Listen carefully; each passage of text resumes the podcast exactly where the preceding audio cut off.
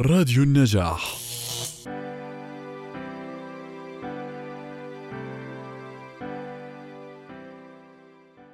من يزدحم بالخيبات يخاف كل الوجوه الجديدة.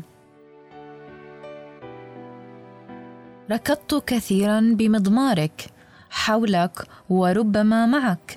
كنت أركض نحو الاتساع حيث اللا نهاية. وكنت أعرف جيدا أنه لا شيء سأجده. هو الخوف حينما نفكر بالهروب منه. الخوف من أن يهشمني غيابك وأنت معي وأبتعد عن كل من يحاول كنسي وجمعي. أخاف أن أتحول لدبوس وأمارس طقوس الألم. صرت أنام كثيرا حتى لا أفوت حلما يجمعني بك. لهذا أحببتك حد الخوف. السماء تمطر الآن. لقد انتظرت هذا طويلا.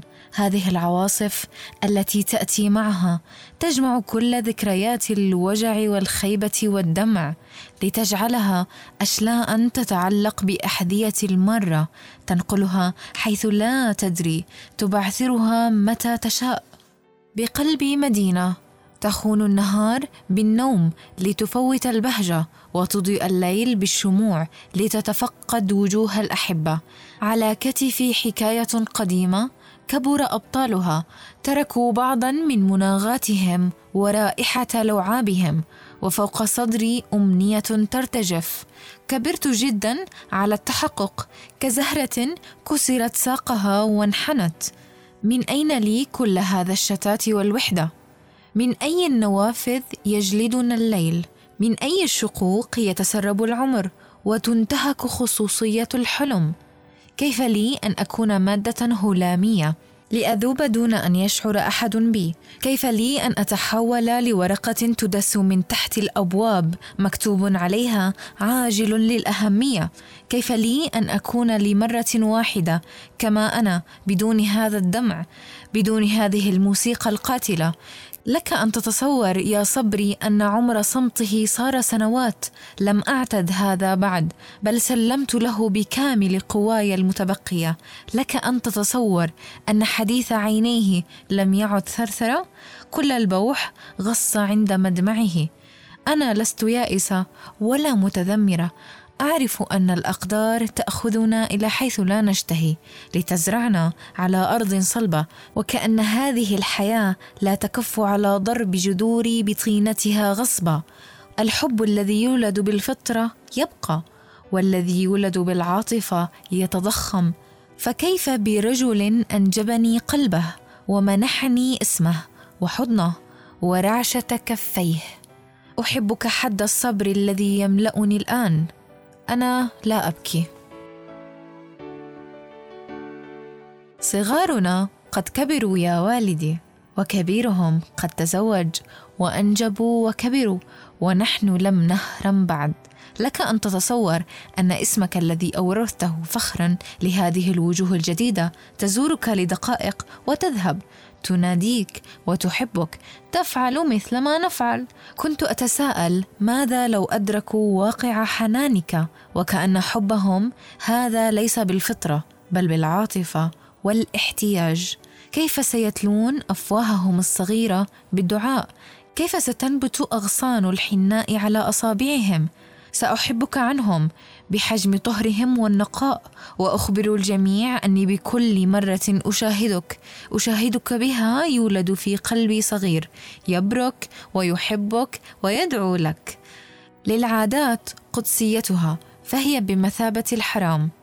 الخطيئة لا تغتفر فهي تتضخم حتى الموت المنقاد لرحمتهم.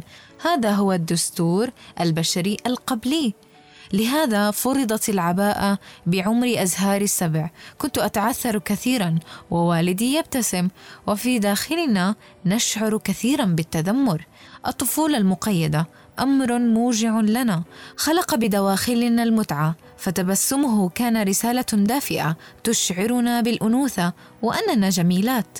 وجب الحفاظ على هذا الجمال الروحي بعيدا عن أعين الذئاب فالرجال الأحرار لا ينظرون إلى ثقب محرم.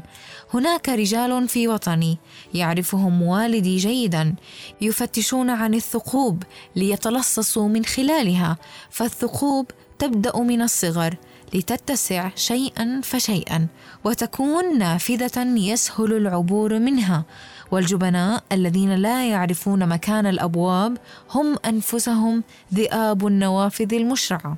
لهذا حاول جاهدا أن لا يسمح للثقب أن يحتل مساحة على جدران الشرف.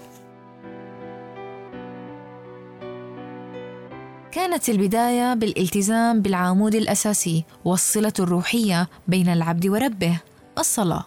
فهي واجبة والتهاون يعني نزول غضب قادم لا تحمد عواقبه كأن يسامح بكل شيء إلا تأخيرها. للبداية أحكامها شريعتها رضا الله ومخافته. من بساطتهم جعلوا من أنفسهم مربون عظاما. ما زرعه بنا أورثناه لأجيالنا تعلمنا وعلمنا أن الحرية لا تعني السفور.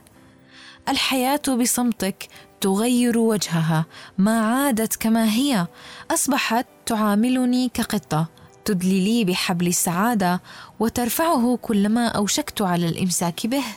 أخبرني والدي ذات بكاء أن للعين معدة لا تشبع وإن أمضيت العمر باكيا. أعدك أن لا أحزن. الحزن الذي يجعلني أقف خلف الصفوف. أنتظر الدور لأقبلك بثياب ممتلئة بالكلام مهترئة بالشوق. الحزن الذي يجعلني أبحث عن رجل مثلك. أتوسد كتفه لأشاهد فيلما كرتونيا عن رجل يشبهك حين يتكلم. أنصت لكلامه العادي وأبتسم. عن رجل تتشربه مسامي ويتغلغل برئتي. أتنفسه كلما نويت الزفير. امنحني رجلا يقنعني أني الأجمل ويمتص غضبي بقبلة. أنا لا أشبه إلا الحزن. عندما أكون معك أستطيع أن أتسع بخيالي لكل شيء للباب الذي أغلقه لتحكي لي سرا يعرفه الجميع. لجيبك الذي خبأت لي به ريالا لتعلن بي أنه الأثمن. أتخيل أرجلك الممدودة وأنا أتسلقها لصوت نعاسك. أتخيل صحوك وكوب الشاي وقرمشة الشابوره بفمك. أتخيل حركة أصابعك على رأسي وظهري وكأنك تكتب لي قصائد غزلية.